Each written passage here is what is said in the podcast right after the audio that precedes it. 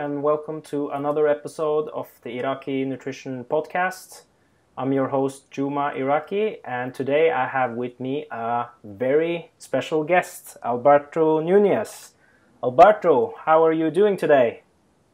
Great, great, Juma. Thank you for having me. Uh, really, really appreciate uh, you inviting me to discuss uh, a, a topic that uh, is, hits close to home for sure. Uh, and I think a lot of people still have a lot of misconceptions about. So I look forward to, yeah, to just, uh, as they say, chewing the fat with you.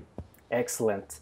Really, uh, really appreciate that you took uh, time out of your busy schedule. So today's topic is uh, peak week. We're gonna work around a couple of questions that are relevant for a lot of people in the fitness industry. But um, before we dive into the question, could you give us a short introduction about yourself for people that might not know you? Yeah, so uh, I'm a coach at uh, 3D Muscle Journey. Uh, we specialize in, in strength athletes, and when we say strength athletes, that's that's that's a very very broad group of athletes. Uh, everything from bodybuilders, physique athletes, to uh, to to even even powerlifters, and even dabbled into other um, other less known um, uh, strength type sports, uh, such as Highland game uh, athletes. I've I've had a few of those. Um, some Olympic lifters here and there, some strongmen.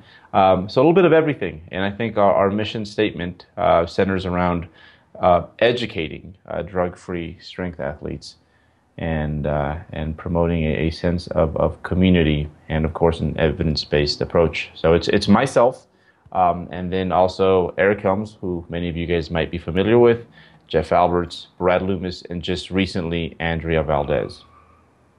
Excellent. And uh, oh yeah, and, and I lift weights too. I like to lift weights and compete as a bodybuilder. Yeah, you compete as a bodybuilder. Do you compete in anything else as well, or? Um, I, I, dabbled in some powerlifting, um, but definitely where where I excel the most is, is going to be bodybuilding. And um, we've in recent years, I've finally gotten to the point where I'm like, okay, I think I'm going to specialize a little bit more. I still love powerlifting and there's still nothing quite like the rush that you get from a deadlift or a squat uh, PR. Bench, it's kind of close, but nothing like those two. And uh, but yeah, for the most part, for the most part, uh, physique athlete is, is my thing. Um, so every every every few years, I take the time to undereat and train, which sounds very counterintuitive, but that's what the sport requires. Yeah. When was the last time you competed? That was uh, 2014. 2014. What so show it's, it's, was that? That was a uh, a show in California, which uh, so th- this show has a amateur section and a pro section. The amateur section is known as the Muscle Mayhem, which over the years has gotten quite a bit of ground, especially on social media. It's it's it's one of the more well-known amateur natural bodybuilding shows here in, in, in the states, and Bob and Tina, the promoters, do an awesome job with that. Uh, I did the pro section, which is called the Pro USA, um, and uh, that was that was my last show. That was my last show, and followed that up with uh, USAPL Nationals. Um, I tried to do them within like four days, and simply because I was just looking for to put it a slightly different twist uh, in, in regards to a challenge. I wanted to see if I could do it. I did. I don't know if I'll ever do that again, uh, but it was it was a lot of fun trying to, to make those things work. Impressive. So, how did you place in that competition, the bodybuilding competition? The bodybuilding, I think I got third. I got third in, in my weight class. Mm-hmm. Um, and came second to, to some really good bodybuilders. One was actually one of my favorites, so it was a total honor to get my butt whipped by him. His name is Marshall Johnson. Mm-hmm. Uh, he's in his mid 50s, mid 50s, and just cleans up 20, 30, and 40 year olds like it's nothing on a weekly basis, it seems like. Uh, so that was a pleasure. And uh, then at USAPL Nationals, I think I finished either 12th or 13th.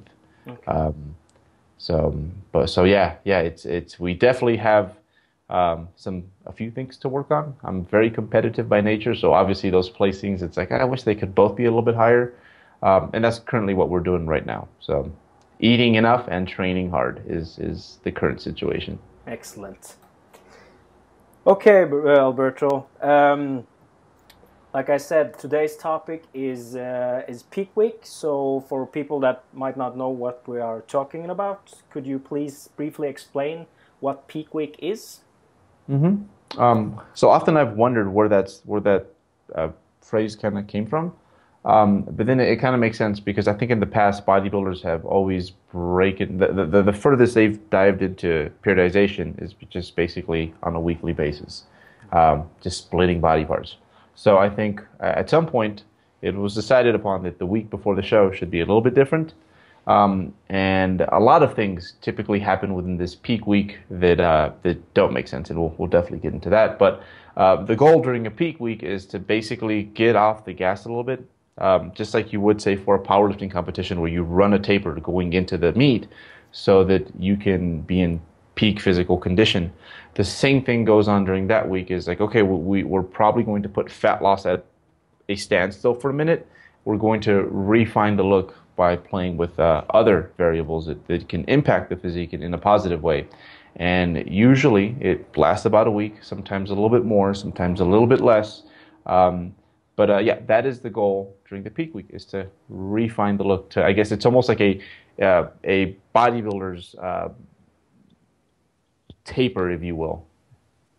Yeah, yeah, and uh, it's a it, it it's a critical phase because a lot of people they start to make a lot of changes during that week. And like all the hard work they've done during the whole cut can actually be uh, like destroyed just because of the mistakes that they do in the final week so, what would you say is the biggest mistakes that people do during the peak week?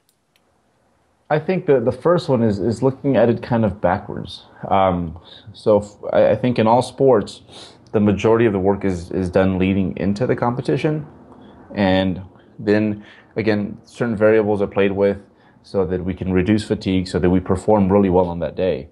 Uh, but the majority of the work is still done early. You know, when Usain Bolt runs a 9.500 meter, that wasn't the first time he dipped under 10. There was a build up along the way throughout the season, right? It wasn't it wasn't 10.5. Did something that last block and got himself down 9.5. It doesn't work that way. But a lot of bodybuilders see it that way. Is it that I'm gonna go through my whole contest prep, and there's gonna be something magical that takes place during that last week that's just going to make me 60, 70% better, it seems like. Uh, and, and that's not the case. Um, so first thing is first is, I guess, overestimating the value of the peak week when you are just not in the appropriate shape. You have not done the majority of the work. The majority of the work should have been done prior to the peak week. Yeah, and I think um, I think th- that's that's where people make a lot of the errors and mistakes, they're basically not in they're they're basically not in good enough shape to step on stage and they think they can fix the problem by manipulating sodium or water in the last week and that will compensate for the lack of dieting that they have done. So a lot of times it's basically uh, basically it's better to just shoot for another show when you're not ready compared to try and fix it because I've seen it with my own eyes. Some of the competitors here in Norway that have come to me in the last week before a show and asked me, What should I do? And I just say, Shoot for another show because you're not in good enough shape to step on stage. But they, they feel that uh, they've come this far, I've dieted for so long, I might as well do the show and try to dry myself out. And the typical approach is dehydration, cutting sodium, eating white fish and nothing else and just end up on stage looking complete flat and finishing last. I've seen that a couple of times with with a lot of competitors and it's sad that they end up being so stubborn because when you go for for a opinion from someone someone else and not take that advice I think you're uh, just hurting yourself and your your future um, future career by doing that that way. Yeah, and I, I, can totally relate to him because I've been in that situation where the peak week starts and my takes me back to my first season, and you know, yeah, there was there was there was a lot of wishful thinking on my part that okay, so this is the week that somehow some copy some something I copied off the internet is just going to work and take me to that next level. And I was very hopeful, but there was also a big part of me inside that's like, I just don't know if this is how it works. I, I don't want it to work that way because this is this is very last minute and rushed. Um, but but you're right. I think yeah. Um, once once you let's just say you, you are in shape uh, or, or, not in shape, the competitors tend to go for, for the same things. Uh, the dry look is is uh, brought to you via cutting water, um, and, and, then obviously sodium is going to make you retain water, so we're going to cut that too. Um, over the years, that has improved quite a bit. I think um, the the more competitors are, are informed that your water and sodium are, are, are drivers. They, they can potentially help you look your best on, on show day. Um, there was a time, um, I remember, where it, it's, I would say, this was not even too long ago, at least not on my scale, but back in 2008, that was my second season. Um, I think it, it, was, it was safe to say that about 90% of competitors backstage were cutting water.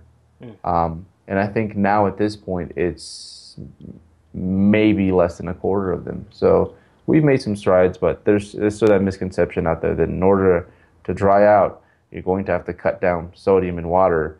Um, and it's it's not so much the fat loss and fat loss that you should have accumulated over the course of many weeks that does it. Yeah, a great uh, a great example of uh, of that is uh, when you look at professional bodybuilding, for example, uh, Dennis James used to be stage ready four weeks out from, from competition. He would be shredded, he would be full and his muscular, and what he used to do is he used to use a lot of barbecue sauce on his food. So what did James do the last couple of weeks? He used to cut out the barbecue sauce, and it basically made him look worse in in, in the peak week. But that was the that was the protocol uh, during yeah. those days that you cut sodium in in the final weeks to to dry out. So uh, I really never understood that that he didn't pick up on it because it happened so many times, like the exact same thing. Exact same and, thing. And he didn't really learn anything from it. That's that's one thing. Another thing that I find is a big mistake that people do is like if you look at all other sports when when people design protocols for what they're going to do the day before a competition and the day of the competition it's usually not the first time that they have done it it's usually something they practice uh, off season but that might be hard uh, like for a bodybuilder uh, because the the level of body fat will be substantially different in off season compared to in season.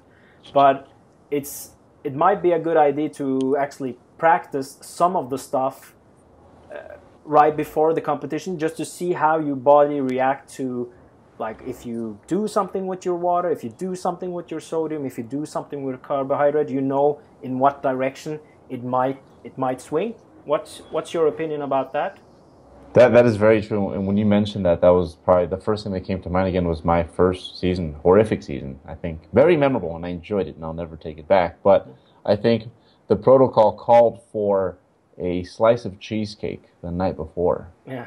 And I'm like, I, am like, I haven't had cheesecake this whole time. uh, I haven't had dairy to this whole time because it wasn't allowed. Yeah. Uh, and and yeah, that that that's exactly that's exactly right. It's it's it's it was a little concerning to me that I'm going to do something that I haven't done the whole time. I, I don't know what's the what's going to show up on the other end, um, and I'm, I'm, sure a lot of competitors do feel that way. That uh, as they go through those motions, are like, I'm wondering what's going to happen, and that that surely must feel uneasy. Uh, the way it should be is that you should have a general idea of what is going to happen, and you know you should be able to gauge just how close or off you were based on what you thought was going to happen. Yeah. Nothing unpredictable, nothing that hasn't happened before, I think, yeah. uh, for the most part, should happen. So, excellent, excellent point. That is that is so true. What about what about food selection during the peak week? Do you think that has is is that also something one should consider based on how you would uh, how you would react if you blow it up or something like that? Because it it's usually like digestive system is funny sometimes because you might react to foods in a different way based on what situations you are in. Like for example, in in um, other sports like cycling or stuff like that, where you have to consume stuff during a race, there's there's often um, foods you try to avoid just because while you are in activity, uh, the foods might just sit in your in your stomach. So when I I've worked with a couple of cycles, we try to eliminate some of the foods a couple of days in advance just to that that they don't make up any problems in the system because it seems like the system is totally different when you have like the nerves and the higher stress levels before a competition. Mm. Would you say that's also applicable to, to bodybuilding, for example? Yeah, I think um, so. So first of all, yeah, digestion is very important. So perhaps making a list of foods that you know you can run through quite rapidly um, that give you absolutely no issue, that are very predictable, right? Since predictable is a good thing. Yeah. Um, and also food that potentially, and this kind of relates to that one, there might be a mild allergen to the person. So, not that I'm eating a whole lot of it, but for example, I have a peanut butter and milk like threshold, where if I go past that, it's no good. Um, so perhaps a lot of those foods where you do have a certain level, maybe just stay away from them for a week um, another big one, especially nowadays, it flexible dieting is, is a little bit more popular, yeah. um, especially here in, in, in the United States, where there's so many, I guess, best way to describe them is like funny dieting foods um, that really base themselves around volumetrics um, and a lot of filler ingredients that aren't always super easy to digest. Um, a lot of people tend to include those throughout their whole prep because it, it makes it mentally uh, less stressing. However, if there ever is a time to get rid of those things, um, that, that low carb pancake mix, uh, it would probably be during during peak week. Um, so those those are those are a few things that come to me right off the bat. Is uh, is yeah the the volumetrics game. Uh, perhaps not play it, especially if it comes at a cost of um, of uh, it affecting digestion in a, in a negative way. Uh, one simple one, though, we do try to um, monitor a bit more is a lot of the um, a lot of uh, the, the fiber intake, which is usually a good thing, but uh, as, as we know, a lot of the, especially the rougher fibers, we try to bring those down just a little bit during the peak week, within reason, of course. Yeah. But uh, but yeah, that is that is basically the list of a, list of a few things that are, are most commonly removed for, for most people. Yeah, and and the and the fiber thing is also pretty normal to do with general sports nutrition, just to, so you don't have anything that takes a lot of blood in your system and try to yes. use a lot of it to, to digest it. So simpler food, simpler, easier to digest food sources is always a good way to get a good way to go. So, but if you if we look at like if you look at the um, pre-contest diet as a whole, how many percentages would you say you could like how many percentage could you potentially uh, increase during the peak week? Because I, like you said, a lot of people they put a lot of energy in the last week when they should have put more energy in what they have done earlier. So, how, like in total, how would you say? How much would you say it can uh, you can increase in the last week? I think like a lot of other things, like mm. people tend to skip over the fundamentals, mm. um, and the, the the main theme here during a contest prep diet is we, we need to lose this body fat. Um, so if, if if you're not lean enough, it's just really not going to do much. If you're trying to enter a bodybuilding show and, and you're 10% body fat the day of, there's really nothing you can do to, to change that. Um, so for those cases, I would say that there, there really isn't much, and, and perhaps yeah, picking a later show might be in in, in your best interest. Um, so the, the the more in shape you are, the more transparent your physique will be.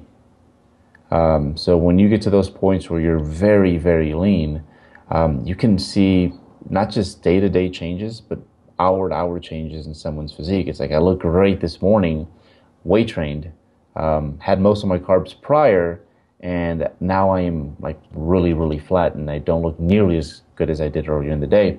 That's that's that's very, very common. So the leaner you are, the more transparent your physique is, the more it can benefit from an appropriate peak week. Um, and then this kind of scales up to the higher the level of the competition. Obviously, the less that these athletes are separated by, so that you know five to ten percent increase that we can see in, in in, in, in your overall physique plays an even bigger role because usually at, at those levels when someone's winning it's not by a landslide you know they're they're they're edging each other out um, so yeah the leaner you are the more important it is the the higher the level of competition the more important it is and in the case of uh, people who just don't have the fundamentals in place um, if you can't dribble a basketball, you're just not going to do very well. Yeah, uh, uh yeah you're just not going to get a shot off. So that's uh, that's that's basically what we're looking at. Yeah, excellent. Before we um, go into some general practical recommendations, could you could we just sum up um, some of the things that you shouldn't do during the last week before stepping on stage? Yeah, yeah. Um, so for sure, let's not try anything we haven't done before, or at least not um, not use similar methods that don't look completely night and day from that. Um, so those things you, you want to completely avoid. And if and if your coach, friend, or whatever source you're looking for information during your peak week is, is suggesting that, I would I would avoid it altogether and just go for something more predictable. Um, I know a lot of athletes over the years who their approach to peak week was like, I'm just not going to change anything at all. And they do far better than the people that are borrowing from here, from there, and applying things that, like as you mentioned, they they they they don't even really know what's going to happen on the other end. Um, so that's that's the first thing, uh, along with obviously getting getting getting in shape. Uh, so start your peak week in shape. Don't try anything you haven't done before. Um, and then in regards to manipulating water and sodium, I would say that water, sodium, and carbohydrates, which are going to be the main drivers for what you look like or how effective your peak week is, usually um, all those things are best left um, at a level that's reflective of what you've done during that whole contest prep. So if you were average, averaging three grams of sodium on most days, then you know wouldn't be a bad idea to leave that alone, and if not, maybe increase it a bit. But leave that alone. You know, don't don't bring that down. If if you're having um, X amount of water, then leave that as is. And in regards to your carbohydrate intake, if you haven't seen a day over 200, you know, don't don't go to five, 600 and, and wish for the best. So. Um, so yeah, we, we want to make sure we keep plenty of water, sodium, and carbohydrates. However, they should be reflective of what we have done throughout the whole diet, especially in those later stages. Excellent. So so before we go into like sum it up with the general practical recommendations, what what what are people trying to achieve with manipulating like like sodium and, and water and carbohydrate? What, what are they looking for? What look are they looking for? Mm, so, and this is going to vary from from division to division, but in general, the look is definitely to to have muscles that are are full, and by full, you know, they they they are loaded, but not too loaded with glycogen. There's um, there's en- enough water that to obviously contribute to to, to the glycogen, and also we have enough sodium in us so that we can actually have blood in our vascular system so that we get a good pump and we look as awesome as we did on that random Wednesday at the gym. So the goal is, yes, to, to be fuller, but not too full. And I think for all divisions, to some extent, it's going to um, it's, go, it's really going to help out all the criteria. So, for example, in in bodybuilding, which is like the the, the most ob- ob- objective of, of all the divisions, um, by being fuller, it's going to help you with your symmetry. You know, maybe if your arms are a little bit smaller than you'd like, by filling out, it's going to bring a little bit more balance to your physique. Um, because the muscles pushing through the skin, because it's fuller, you're going you're going to, to look to look leaner and again just overall more muscular. So yeah, the goal is to, to, to store carbohydrate, to store water as well, but uh, not so much that we perhaps, I guess the, the, the bad word in, in peaking is, is spilling over where we have more in us than we need. And what that ends up happening, what ends up happening when that happens is you, you, you actually lose a lot of those that uh, that hard-earned detail in your physique that you know you worked really hard for the last few weeks, uh, which again we have people that perhaps pull carbs and, and water and sodium too much, but then we also have people that go too far, and what you're doing is you're kind of erasing a lot of the a lot of the grinding you did during the last few weeks to attain the appropriate level of, of conditioning. Excellent. So Alberto, just to wrap it all up, general recommendations for resistance training, cardio, and uh, nutrition. What what do you have to say about that? Excellent. Um, so one thing that um, I think ac- across the board with, with most peak week approaches is that you will see multiple days of, of, of carb loading. Um, one thing that I would suggest um, you do, and and this is how I like to tailor my refeeds with my athletes. Is uh, firstly, I like to give them more than one day of, of refeeds within within a, a, seven to ten day span. So we don't just see one refeed and then we leave.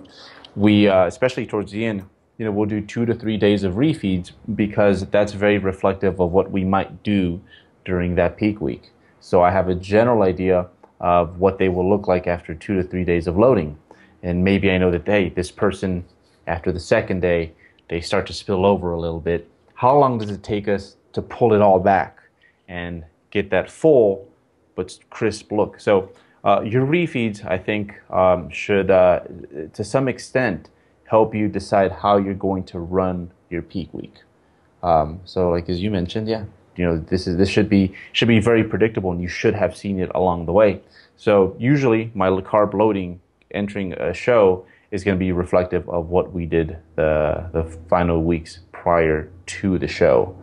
Um, so that's that's how I would play around with carbohydrates. I, I, think I think I like to think that refeeds are just a lot more common nowadays. We we tend to uh, undulate our carb intake through throughout a week in most cases.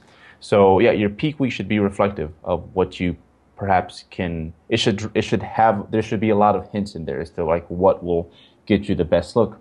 And I think any physique athlete who's dieted and has used refeeds uh, in, in, in their week, they'll tell you that, yeah, there's, there's a certain point there where it's like you catch it. And um, that's what you should be, you should be looking for. Because the main driver is going to be carbohydrates. Um, if, you're full enough, you have enough carbs, you kind of miss your water, you kind of miss your sodium, you'll be generally okay, as opposed to you know the other way around, right? Yeah. Um, so uh, so that's that's probably the first thing is refeeds should should uh, drop hints. Uh, in regards to sodium in water, I would say you know keep those consistent, and if anything, um, sometimes a little bit more sodium during the day of the show is, is probably probably a good thing. Um, last but not least, just the whole week as a general should uh, remove a lot of that perpetual fight or flight uh, type of mentality that a hyper focused athlete's going to be, especially during those last stages of, uh, of uh, the contest prep. So it should be a de stressor week. And uh, your training should definitely reflect that. Um, in, in many cases, you know, perhaps taper down volume to what would be a, a deload week and, and maybe even some, some non, uh, or, or not some, maybe some higher rep, but not overly stressive, stress, stressful um, uh, sets in there just to kind of get the carbohydrates going in, in, in, in the right direction. but in general, training for most people wouldn't be a bad idea to taper it off a little bit and have it model um, the, the type of deloads that, that you have been using, uh, hopefully you have been using throughout your whole contest prep. Um, in some cases, though, um, sometimes perhaps, and I know this is the case for me, um, I like to train hard the whole time. And it, it, it, just makes me feel better. And for a lot of athletes, it kind of gives them a place to put that fight or flight um, energy towards. So they can take it towards their training. And generally, it's not going to affect things uh, too much. It's not, uh, not not for the worst. Like we always hear the whole, you know, don't train your legs because they can, you know, they can they can blur out, and maybe the last training day should be seven to ten days away. No, again, it, even if you are deloading, it should model what you did prior. Uh, but again, some athletes might benefit from just training hard the, the whole week because that is for a lot of athletes that's probably the least stressful part of their day is the training. You know it's it's the making their prep fit with the rest of their life. That can be hard. Um, and then in regards to cardio um, to be honest i would keep it if it's not excessive and i like to consider excessive if it's if it's exceeding the number of days in the week that we weight train that's probably where i would start to call it excessive. I would get rid of all the excessive cardio. Um, and in the case of some people who perhaps are higher responders to overfeeding, meaning like you give them more food, they just like turn into wiggle wiggle worms. Uh, in, in that case, perhaps even reducing cardio to, to nothing at all, especially if the athlete hates cardio. Because again, we're trying to make it a fun week. It's almost like all the work was done, and this is like your victory parade across town, and the show's like the party. Um, so the main theme here is yeah to bring stress down, like you would for any sport prior to the competition. Yeah, excellent point. And I think the I think the message that you're you're sending also is very important. That don't do anything drastically or stupid in the final week because you should have been ready before you actually uh, come to the to peak week and it's just about maintaining that form until you step on stage with with maybe some small small tweaks compared to what some people might do is do completely different peak week compared to what they've done during the whole during the whole prep. My first contest season when I was just throwing things in there. That was probably the biggest stress. Uh, the peak week was stress because I have I had no idea what was going to pop up on the other end. Yeah. Um, whereas whereas now it's like okay, I have a general idea of, of what it is that I'm aiming for and what's going to happen, um, and that's that's that's just a bit, way better way to to just peak. And when I say peak across all levels, like you know, look your best, feel your best, and just thoroughly enjoy like the fruits of your, your labor. It should be a week of reflection almost, you know. Yeah, exactly. All right, um, Alberto, that was um, that was really awesome. Uh, thank you so much for agreeing to do this interview. I hope people will find this topic in this podcast with you really interesting. Um, before we say goodbye, could you please tell us where people can find uh, more information about you? So 3dmusclejourney.com. Uh, that is our website. Uh, through there, you will be able to find our YouTube channel, which we have done a really good job of late of, of keeping that updated and fresh. Uh, and it, has got videos that date back to, I think, 2010. So um, the archives are, are pretty robust there. And then in more recent news, we have started a, a podcast, which um, initially I was like, oh, really a podcast? But it's been a lot of fun, and it's it's uh, the, the the one podcast that I have done so far. Uh, I think it's unique in that it's basically just us coaches having a um, a roundtable of sorts, and we ha- we forget that we're being recorded half the time. So um, that's that's I think is going. There's going to be a lot of uh, good stuff coming from that, and that's probably the project that I'm most excited about this year. So the the, the new podcast, which uh, the links for all that can be found in the website 3dmusclejourney.com. Excellent, and I'll also put the links in the description below this uh, video. I've actually seen the first podcast and was really pleased. I was with uh, it was two hours with Eric Helms, so we can't get better than that. He was actually talking about the whole process of where he came from and uh, up till recent days how he's become this famous fitness expert in the industry. So it was really, um, really great podcast, and I think the the content that will come out on your podcast will be as high quality as 3D MJ is in in general. Yeah, he's he's such an interesting man. Yeah. Um, yeah, he's worn so many hats, and I think people will, will will love that part about him. People who don't know. Yeah, exactly. Okay, Alberto. Once again, thank you so much for your time, and uh, hopefully we could do another podcast another time on a on a different topic. I appreciate you having me here, Juma. That was that was awesome. Thank you. Thank you so much. Have a nice day, Alberto.